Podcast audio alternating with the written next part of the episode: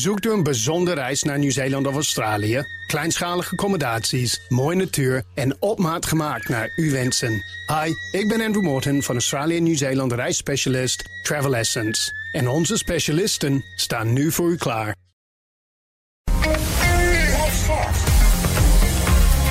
BNR Nieuwsradio. The Big Five.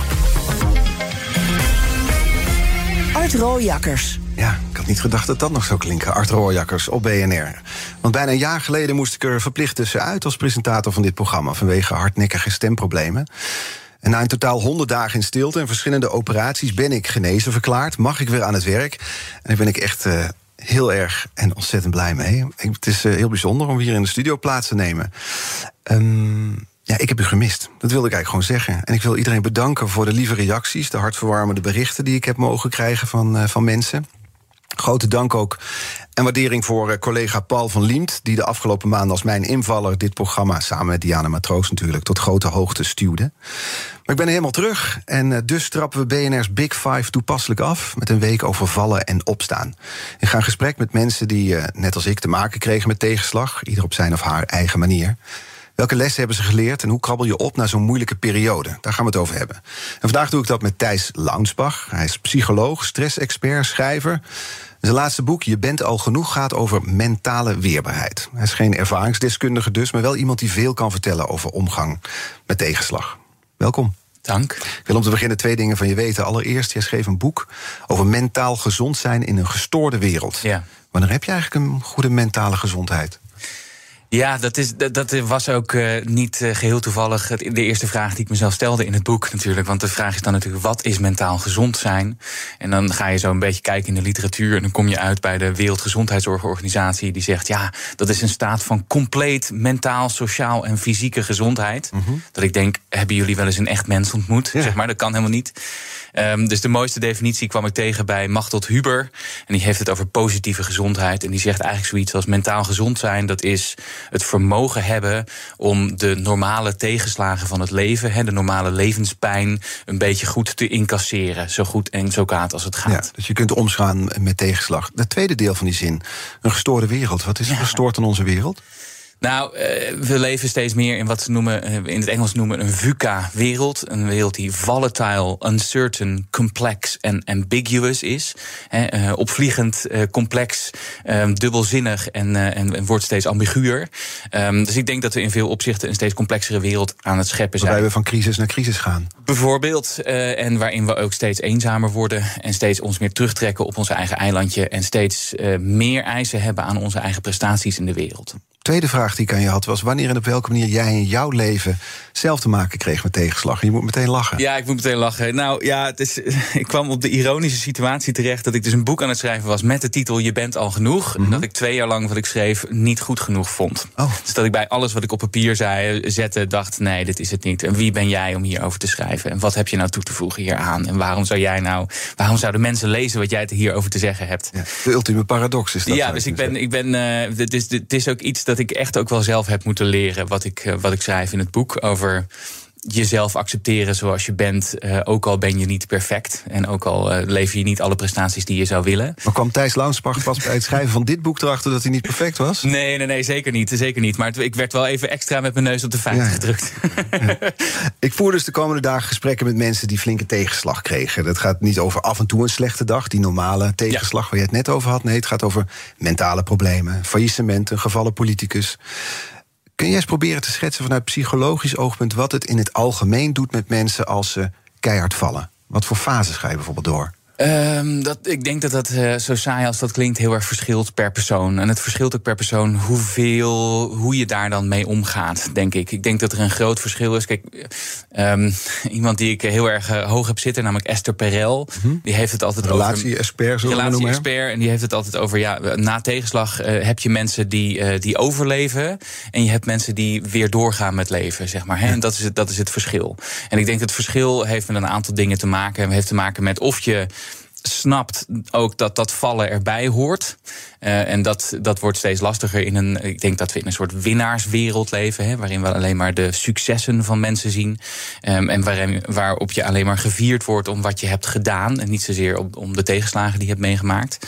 Dus snappen dat vallen, hoe vervelend dat ook is en hoe rot dat ook is, erbij hoort is denk ik een hele belangrijke. Daar is nog wat, dat is eigenlijk een maatschappelijk vraagstuk. Is het eigenlijk te voorspellen? Wie gaat overleven en wie doorgaat met leven? Zijn moeilijk te voorspellen. Er zijn, wel, er zijn wel wat factoren die je daarin kunt meenemen. Ehm, we moeten daar binnen de psychologie ook maar een beetje op gokken.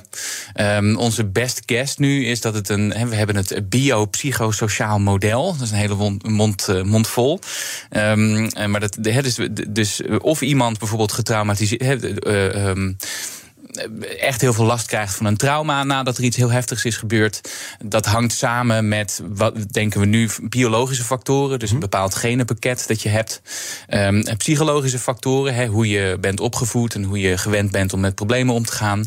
En sociale factoren, wie heb je om je heen? En wat uh, heb, je, uh, heb je een soort supportnetwerk die dat mede met je kan opvangen? Ja, daar, daar zit het hem dan in. Ja. Zijn wij eigenlijk wel gewend in onze huidige samenleving? Want je had het er net al over, we zijn eigenlijk altijd op zoek naar successtory, ja. naar succesverhalen. Zijn we nog wel gewend om met flinke tegenslag om te gaan? Nou, ik denk het niet. En ik denk dat dat een groot probleem wordt. En ik heb net even zo zitten luisteren naar het reclameblok. Dat ging ook alleen maar. Ben jij een succesvolle ondernemer? Um, het gaat vaak over belangrijk zijn, rijk zijn, impact hebben, een mooie auto hebben, goud hebben. Ik zat net gewoon even te turven wat er in zo'n reclameblok uh, voorbij komt. En ik denk dat dat heel erg passend is en klopt bij de wereld zoals die nu is. Waarin we vooral met uiterlijk bezig zijn, met het aantal volgers bezig zijn, met successen vieren bezig zijn. Maar niet zo met um, accepteren dat, uh, dat als het minder gaat, dat dat erbij hoort. het zou ook wel een wonderlijke reclame zijn natuurlijk. Ben jij mislukte ondernemer? Uh, ja, nou ja, ik denk dat dat heel zinnig is. En we hebben natuurlijk, je hebt, je hebt uh, dat, dat idee van die fuck-up nights. Ik weet niet of ik mag schelden trouwens op de raad. Maar dat, heb je net gedaan, dus laat het volhouden. Ja. fuck-up nights. En dat Waarin mensen idee vertellen over hun mislukkingen is dat ja, idee, ja, toch? Precies, ja. Waar dan ook weer een beetje kritiek op is. Omdat vaak dan de mensen die daar iets over vertellen... die hebben die mislukking alweer gegoten in een soort winnaarsverhaal natuurlijk. Hè. Dat is vaak het slechte punt. Um, maar dat ik is denk, een slecht punt. Nou, ik, ik denk dat, dat dat nou juist het probleem is dat je alleen succesverhalen mag vertellen. Of dat je verhalen mag vertellen waar tegenslag in zit dat je hebt omgebogen naar een succesverhaal. Maar ik denk dat we veel te weinig verhalen hebben over ik ben op mijn bek gegaan en ik heb hier heel veel pijn van gehad. Of ik kan dit niet zo goed. Of ik heb hulp moeten vragen. Dat zijn denk ik de verhalen die we nodig hebben. Ik zit erover te denken of dat zo is, of het niet zo is dat we in de huidige maatschappij veel meer nu dan bijvoorbeeld in die hele snelle jaren negentig, de juppen, geld verdienen, ja. nu veel meer oog hebben voor mentaal welzijn, waar jouw boek ook over gaat, voor tegenslag. Mensen, Ja. voor mijn gevoel, durven opener te zijn over dat wat er niet lukt.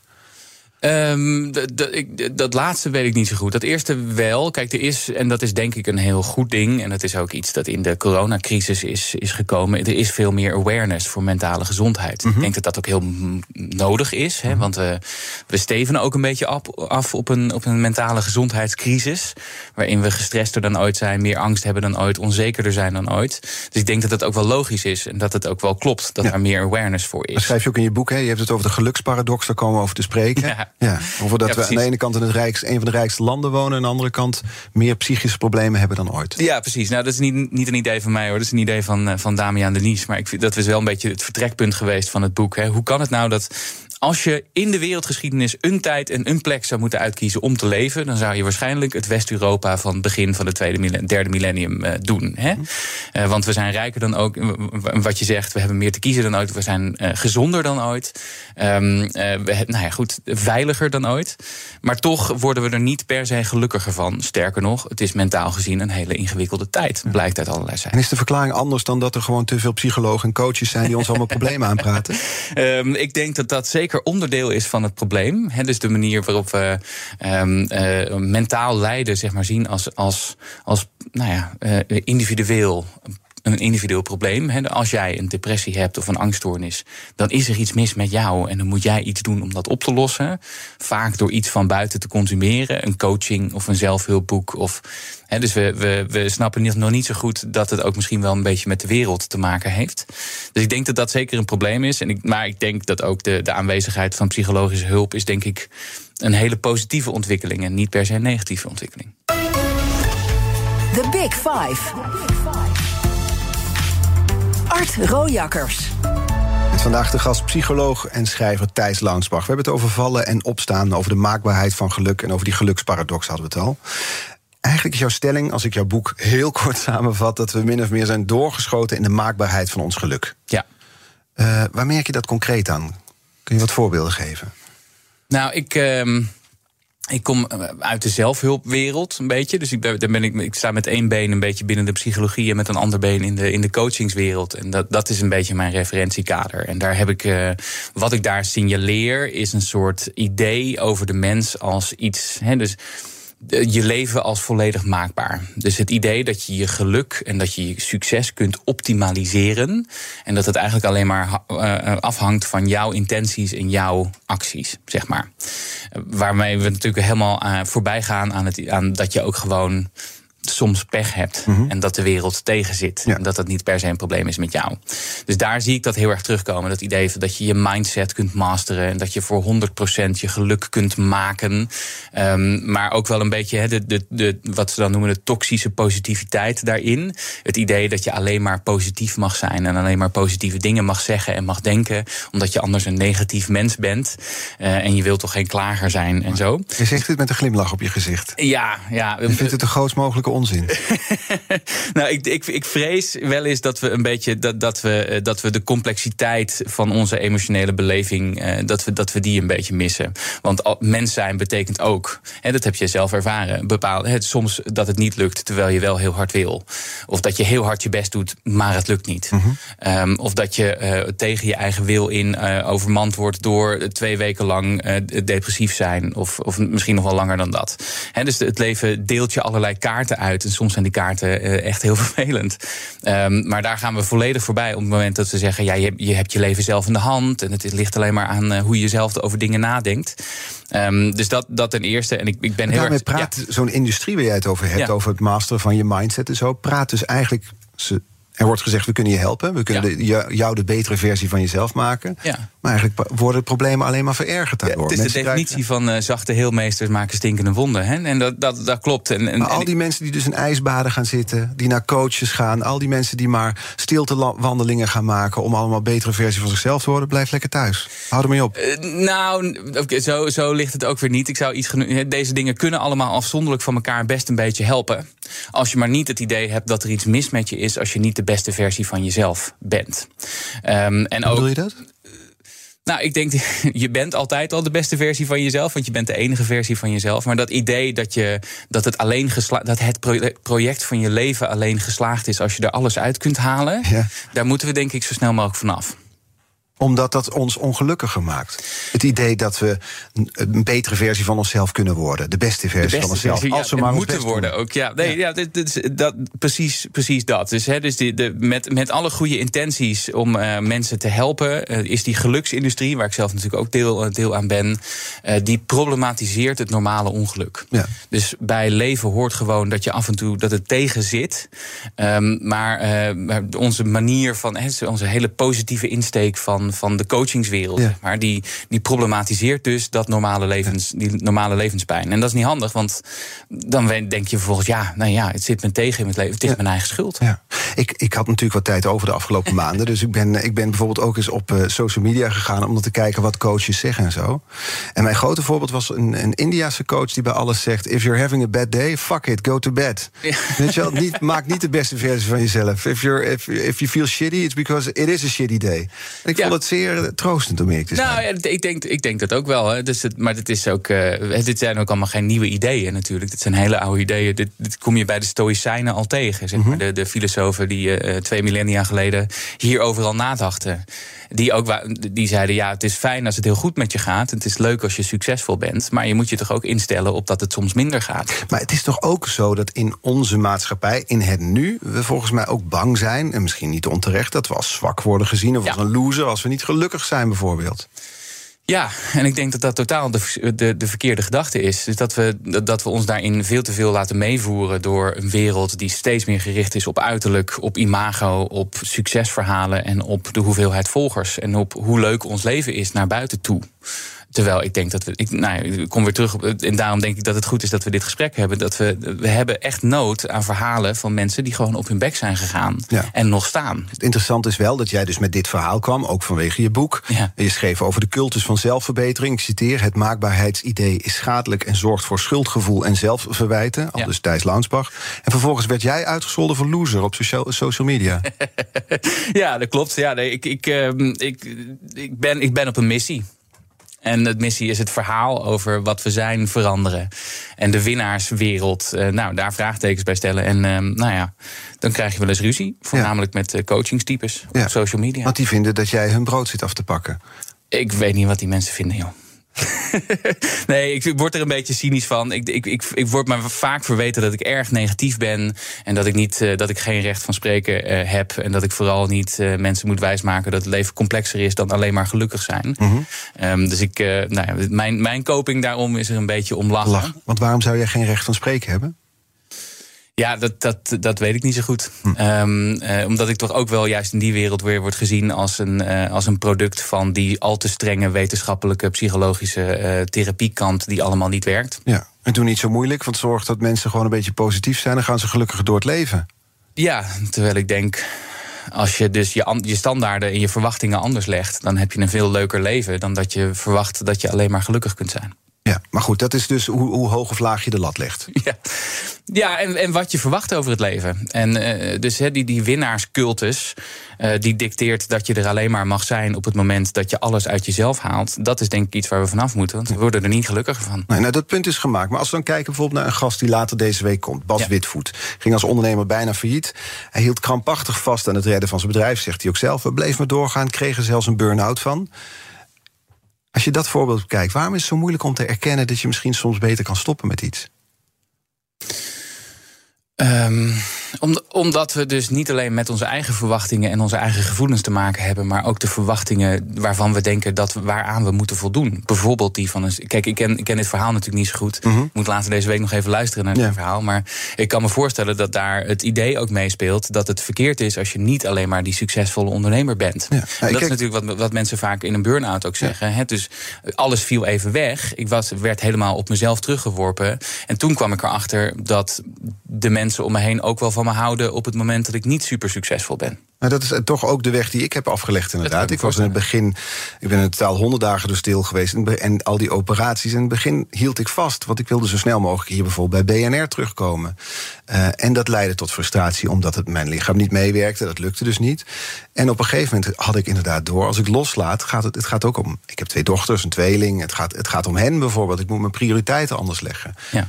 Um, en nou ja, of toeval of niet, vanaf dat moment werd de, de weg terug wat ingezet. Was er, was er een specifiek moment waarop je dat inzicht had? Nou, de ene laatste operatie. Uh, toen, die, die, toen kreeg ik weer het bericht: uh, het is niet goed. Dus we weten het niet meer goed. Misschien komt het ook wel helemaal niet goed. Toen dacht ik, ja, een presentator zonder stem. is best wel een gek imago. Uh, ik was toch ook wel met, met mijn identiteit en imago bezig. En op dat moment had ik door ook als dat wegvalt, dan ben ik nog steeds de vader van mijn dochters. Ja.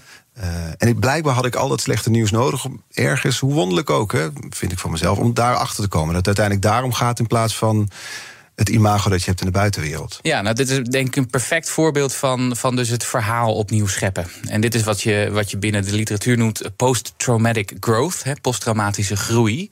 En dat, uh, dat gaat eigenlijk over de vraag: ben je nou in staat om die val context te geven en een plaats te geven in het verhaal van je leven. Bijvoorbeeld door te snappen, door, door te denken, nou het is heel vreselijk wat mij is overkomen. Um, ik had het liever niet gehad, maar inmiddels weet ik een aantal dingen over mezelf en over het leven um, die mij een beter mens maken. Mm. Ja. Dus dat, maar dan maak je er toch ook alweer een heldenepos ja, van? Ja, dat is natuurlijk. Dat is, nou, ja, een beter mens uh, in de zin van een wijzer mens, ja, denk ik. Ja, je hebt er iets van geleerd. Dat kan ik ook over mezelf zeggen. Het heeft me ook, het heeft me ook wat gegeven, die periode. Ik ben er ook alweer inderdaad wijzer van geworden. Nou ja, en dus het klinkt alsof je prioriteiten ook anders zijn komen te liggen. Dat je in hebt gezien dat het niet alleen maar gaat om, om, om, om succes naar de buitenwereld toe, maar om hele andere dingen. Ja. Ik heb toch het gevoel dat ik nu met een coach sta te praten. Sorry. Een live coach. Ik, ben nu een ik, zal, ik zal straks weer een andere weg inslaan. ja. Is het eigenlijk, uh, nu ga ik naar Vera mijn eigen kont vragen... maar is er, zijn er bepaalde karaktereigenschappen voor nodig om moed erin te houden? Um, ja, nou... Uh, Valt het niet zo in zijn algemeenheid te zeggen, dat is ook een antwoord. Dus, uh, even kijken, karaktereigenschappen om de moed erin te houden. Nou ja, als je dus die tegenslag hebt. Laten ja. we daar straks na het nieuws, want daar gaan we nu naartoe, op terugkomen. Heb wat ik je eigenlijk, ja, precies. Wat voor mindset of wat, wat je eigenlijk nodig hebt uh, om, om, als je dus zo'n zo tegenslag hebt, om, daar, ja, om daarmee om te gaan. Is er bepaalde karakterologische, zijn er zwaktes en sterktes waar je dan terug kan vallen of niet? Daar gaan we het zo dan over hebben, als je het goed vindt, Thijs. Goed. Laat ik zo verder met psycholoog Thijs Launsbach over de vraag ook of een imago nog te redden redden is na een schandaal, zoals bij enkele gasten van deze week. Blijf luisteren. BNR Nieuwsradio. The Big Five. Art Rooijakkers. Welkom bij het tweede half uur. Deze week vijf kopstukken over vallen en opstaan. Morgen praat ik met politicus Liane Den Haan. Ze vertrok bij de 50PLUS-partij na conflicten... maar heeft inmiddels een nieuwe eigen partij opgericht. Vandaag is Thijs Launsbach de gast. Hij is psycholoog, stressexpert en schrijver. En zijn laatste boek, Je bent al genoeg, gaat over mentale weerbaarheid. Nou, goed onderwerp voor deze week natuurlijk. Komende half uur wil ik graag nog twee onderwerpen met je bespreken hoe je die mentale weerbaarheid kunt trainen. En de rol van je omgeving in een moeilijke periode. Maar ik wil nog heel even terugkomen op waar we net over hadden. Want we hadden het over het karakter. Of daar iets, zijn er bepaalde karaktertrekken misschien te definiëren om de moed erin te blijven houden, om maar gewoon heel simpel te zeggen. Ja, dat, die, die zijn er denk ik wel. Het lastige aan karakter is dat je dat toch over het algemeen uh, min of meer hebt. En dat, daar, dat je daar niet zo heel veel aan kunt trainen. Of niet zo heel veel aan kunt veranderen. Je we, we weten inmiddels dat je wel een klein beetje, hè, bijvoorbeeld als je heel erg introvert bent, dat je je wel, wel wat extraverte vaardigheden kunt aanleren als je erg je best doet. Maar echt een extravert worden, dat word je nooit meer, zeg maar. Um, maar er zijn denk ik wel een aantal gedachten of een aantal. Hè, je, je kunt een aantal dingen, een aantal verwachtingen bijstellen. Um, en, en dat gaat dan meer over je mindset dan over je, je vaste karakter, zeg maar. Um, maar bijvoorbeeld het, het idee loslaten dat je perfect moet zijn. Um, of dat je dag perfect moet zijn. Of dat je dat je, je dag moet optimaliseren. Hè, waar we het eerder over hadden. Dat is denk ik een hele goeie. Um, en ik, ik, nou ja, ik, ik ben dus zelf nogal van het, het maatschappelijke verhaal dat we altijd winnaars moet zijn, uh, moeten zijn. Daar moeten we ook denk ik een spaak uh, of een stok tussen de spaken steken. Mm -hmm. Ik denk dat we veel meer toe moeten naar een verhaal waarin we accepteren dat af en toe vallen erbij hoort en af en toe dingen niet goed doen. Maar het gaat wel ook wel heel erg over wat, wat denk je nou over jezelf als je iets stoms doet of je, doet, of je maakt een fout. Uh, blijf je jezelf dat dan verwijten maandenlang? Of kan je dat zien in het kader van ook ik ben aan het leren en de volgende keer doe ik het anders? Nou, het gaat ook over zelfbeeld natuurlijk. Ja. Hoe zie je jezelf? Ben je ben je, je werk, zal ik maar zeggen? Hè? Wat ja, bij mensen die deze week langskomen, of dat geldt ook voor mij, als je wat meer in de publieke wereld bent, dan wordt, definieert je werk toch ook wel je identiteit voor een deel, je imago of wie je bent. Ja, ja, en daar is op zich niet zo heel veel mis mee. Want ik denk ook juist dat het, uh, dat, dat een hele belangrijke manier is om betekenis aan je leven te geven. Hè? Dat, je, dat je belangrijk werk doet dat uh, nou ja, zin heeft in de ruime zin des woords. Dat dat juist een van de dingen is die ons beschermt tegen, de, tegen zo'n moeilijke wereld. En, en, en, en mentaal gezond houdt. Hè? Dat je er zitten veel te veel mensen vast in een bullshitbaan. Zeg maar, mm-hmm. Die zelf niet de zin inzien van wat ze doen.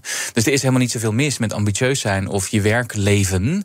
Um, maar wel als, je, uh, nou ja, als, als dat ten koste gaat van, van wie je verder bent. Ja, van je mentale gezondheid. Als je het daarover hebt, over die goede, goede mentale gezondheid.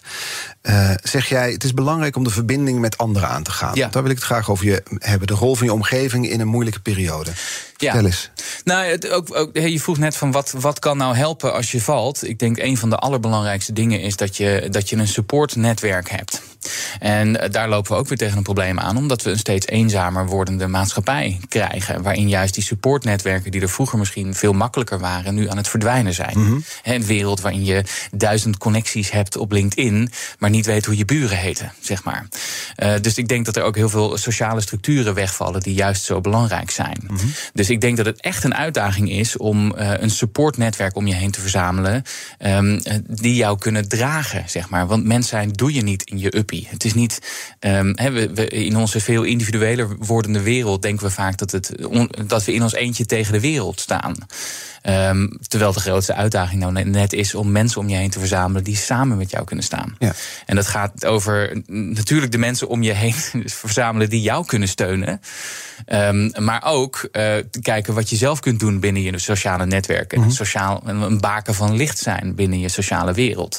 Door te investeren en door wel na te denken over andere mensen. En ook na, na te denken over wat kan ik bijdragen in sociale zin. Ja. Het kan super klein zijn binnen je eigen vriendengroep. He, die mensen opbellen die het, wel eens, uh, die het wel eens nodig zouden kunnen hebben. Of iets doen in, binnen je wijk. Of iets in die zin opzetten. En die dingen. He, dus ik denk dat dat, um, dat dat in een wereld die steeds eenzamer wordt, gewoon heel erg belangrijk belangrijk wordt. Ja. Maar hoe vaak je, jij waarschijnlijk ook vanwege je werk, of ik ook en luisteraars ook, je vrienden wel niet afzegt, bijvoorbeeld voor werk.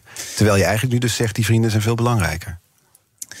Ja, nou ja, er is een heel mooi boek geschreven een tijd geleden uh, door uh, Bronnie Ware, een Australische hospice-medewerker. Die, uh, en dat heet The Top 5 Regrets of the Dying. Um, en die, dat was dus een vrouw die werkte in de ouderenzorg. Hebben mensen die, die, die hun laatste levensfase ingingen. En die vroeg altijd aan die mensen: waar heb je nou spijt van, zo aan het einde van je leven?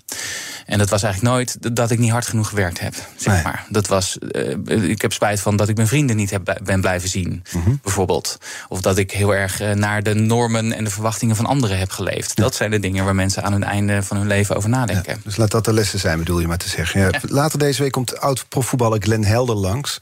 Sluit deze week af. Hij kon zijn gokverslaving best wel een poos verborgen houden uh, voor zijn omgeving. Het was moeilijk om hulp te vragen, ook voor hem, toen het misging. Ja. Waar zit hem dat dan in? Het is het moeilijkste wat er is. Want als je hulp vraagt, dan betekent dat dat je, dat je dat idee moet opgeven dat je perfect bent. En dat je het allemaal zelf moet regelen. Ik vind dat zelf ook het moeilijkste dat er is.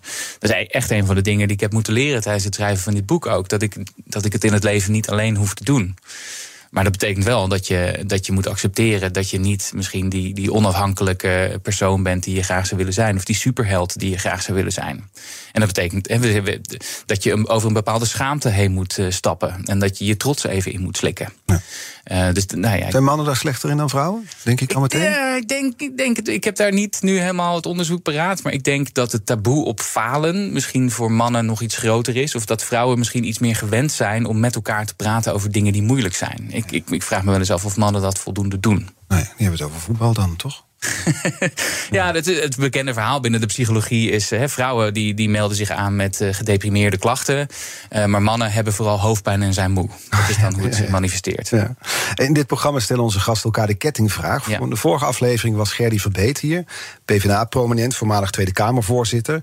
Uh, dat was in de week die als thema had... democratie onder druk, is terug te luisteren als podcast natuurlijk. En zij had deze vraag voor jou. Mensen geïnteresseerd zijn in de politiek... en overwegen zelf een politieke carrière te volgen dan stel ik altijd de vraag: ben je bestand tegen publieke vernedering? Want dat is wat een politicus vaak, over, vaak toch kan overkomen.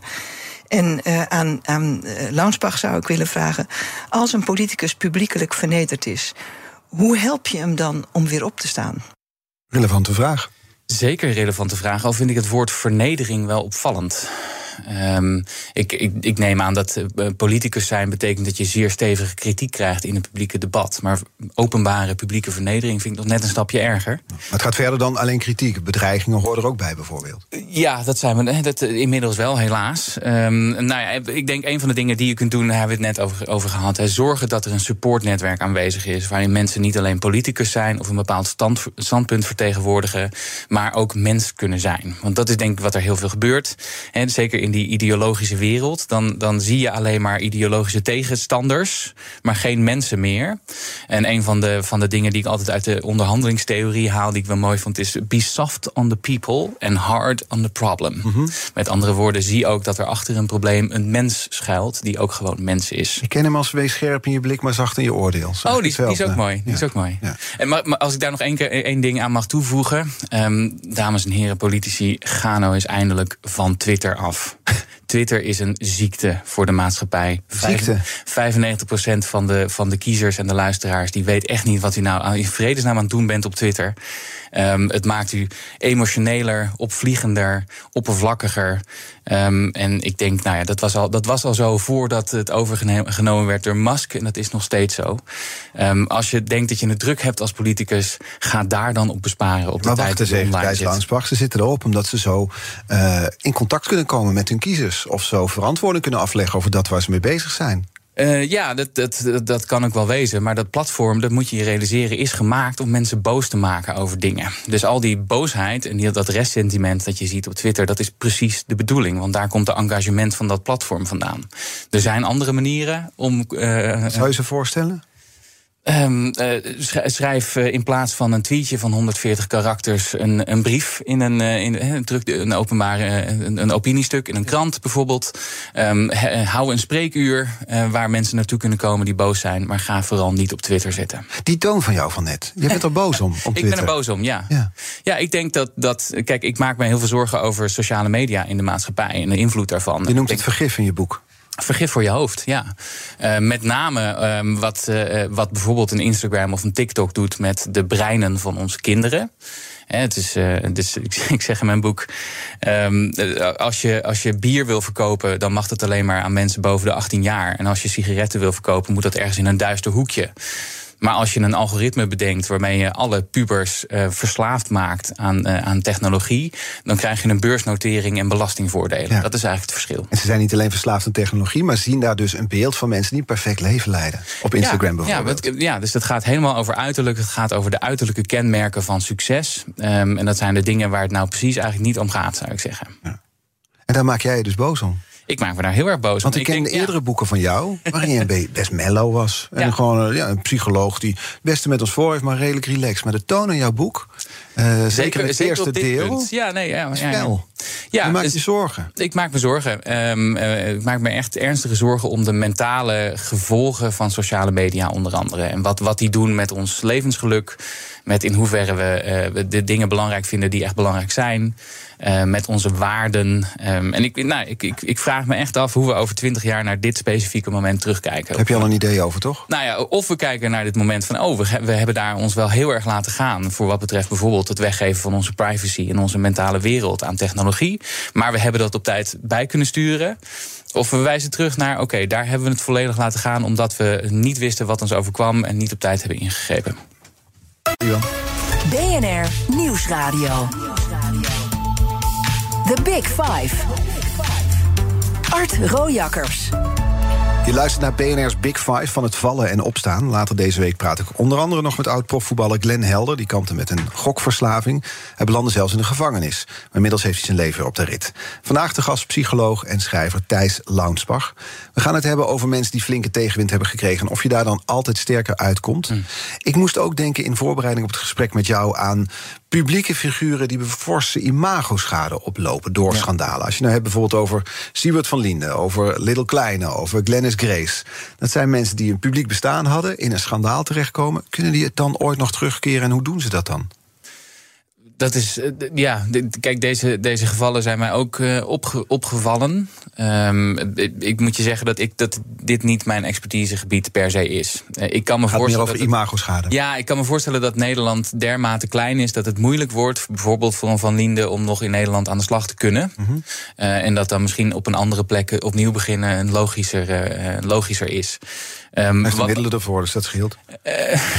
Ja, um, wat, wat mij wel opvalt is dat vaak uh, dit, dit, dit soort mensen die dit overkomt, die, um, die verdwijnen dan een tijd uit het publieke debat. Dus het is ook wel vaak, er zit een bepaalde verhitting in het publieke debat, mm -hmm. waarin het dan opeens de hele tijd gaat over zo'n zo'n vraagstuk. Hey, bijvoorbeeld vorige week was dat uh, Kanye West en, en de samenwerking met Adidas, mm -hmm. geloof ik.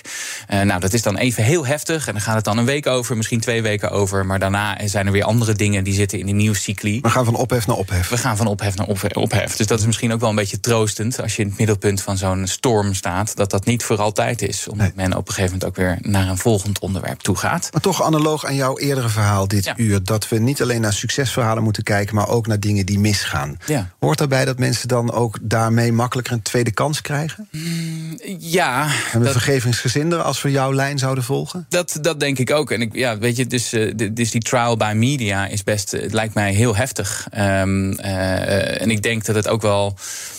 Kijk, er is natuurlijk wel een verschil van ga je op dezelfde voet door? Of laat je daarna ook zien, misschien is dat ook wel die, die vraag die we net hadden van, van Geli Verbeten, daar zit ook wel een deel daarvan in. Kun je, als je op je bek gaat, want laat, daar hebben we het dan over, en dat overkomt iedereen wel eens, kun je dan daarna um, laten zien wat je ervan geleerd hebt? Mm -hmm. Voor jezelf, maar ook voor anderen. Uh, en dat lijkt mij in dit geval toch ook wel. Hè, dus niet alleen maar een soort een, een charme-campagne daarna, maar ook echt kunnen laten zien van hé, hey, ik snap dat dit verkeerd is geweest. En ik heb er dit en dit en dit van geleerd als mens en als politicus of als publiek figuur. Um, en ik denk dat het daar ook wel voor jezelf heel erg over gaat. Hè. Kun, je het, kun je het plaatsen binnen je eigen belevingswereld in je verhaal over jezelf, ja.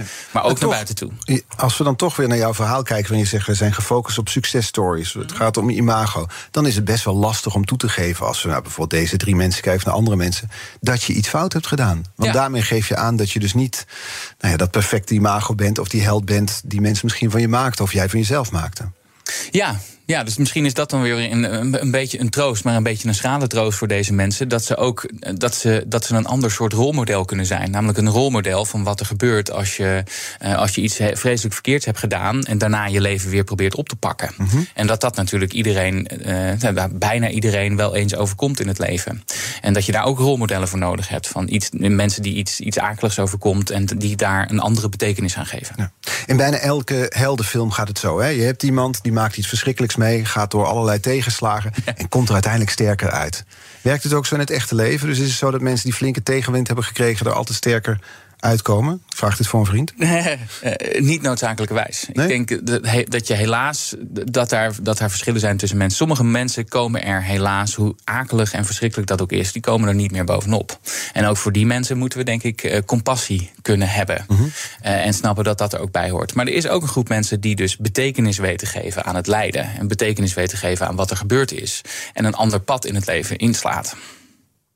Want het wonderlijke is dat we uh, volgens mij als westerse mensen, of als Nederlanders zou ik maar zeggen, eigenlijk bijna streven naar een soort zoap-leven. Je kent het wel, het gladde asfalt. we willen geen frictie in ons leven.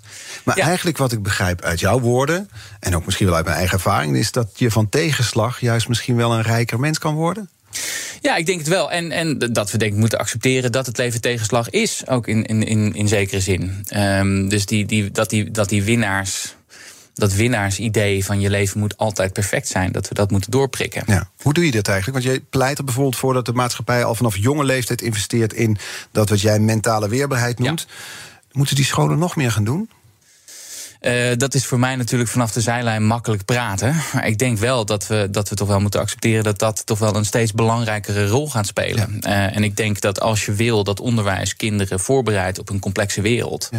En misschien in de toekomst nog wel een veel complexere wereld. Dan ontkom je er niet aan om toch iets te doen aan emotionele intelligentie, aan veerkracht, aan de psychologische vaardigheden die je nodig hebt om de wereld te overleven. En dat is dus iets wat in een lespakket opgenomen zou kunnen worden? Nou, je kunt je voorstellen, en hier zijn al wat initiatieven voor. Dat zijn meestal particuliere initiatieven die dan, die dan workshops geven op scholen. Nog geen volledig vak.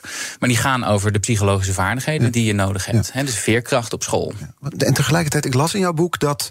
Nu heb ik de cijfers niet meer exact paraat, maar jou ongetwijfeld wel. Dat als je kijkt naar middelbare scholieren nu, kampen met uh, ongeveer dezelfde problemen als psychiatrische patiënten in de jaren 50. Ja, het ging over angst. Hè. Dus, dus, er zijn onderzoeken waaruit blijkt dat gemiddeld gezien de huidige, um, de huidige middelbare scholieren net zo angstig zijn als uh, psychiaters. Dus, dus, laten we zeggen de klinische populatie in de jaren 50. Ja, ja ik, maar ik denk dat angst om er niet bij te horen, een angst om het niet te halen, en angst voor falen en uh, perfectionisme dat dat heel erg speelt bij deze populatie.